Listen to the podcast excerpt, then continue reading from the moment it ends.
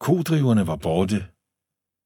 Hen imod skovbrynet, hvor terrænet blev åbent og skrånet ned mod et gammelt hegn og en grøft fuld af tornede buske på den anden side, så man endnu kun nogle få falmede pletter af bleggult mellem skovbængelurterne og egetræsrødderne.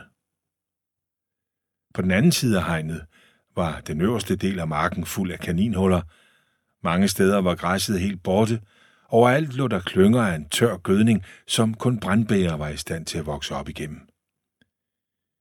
Omkring 30 meter borte, i bunden af skråningen, løb bækken, som ikke var mere end en meter bred og halvt tilvokset med ranunkler, brøndkarse og blå ærenpris. Julesporet krydsede bækken over en stenkiste af mursten og løb op ad den modsatte skråning til et femgidret led i tjørnehækken, og ledet førte ud til en smal vej. Majsolen gik ned i røde skyer, og der var stadig en halv time til skumringen.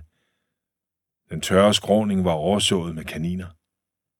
Nogle nippede af det tynde græs i nærheden af deres huller, andre trængte længere ned for at finde mælkebøtter eller måske en engkappeleje som de andre havde overset.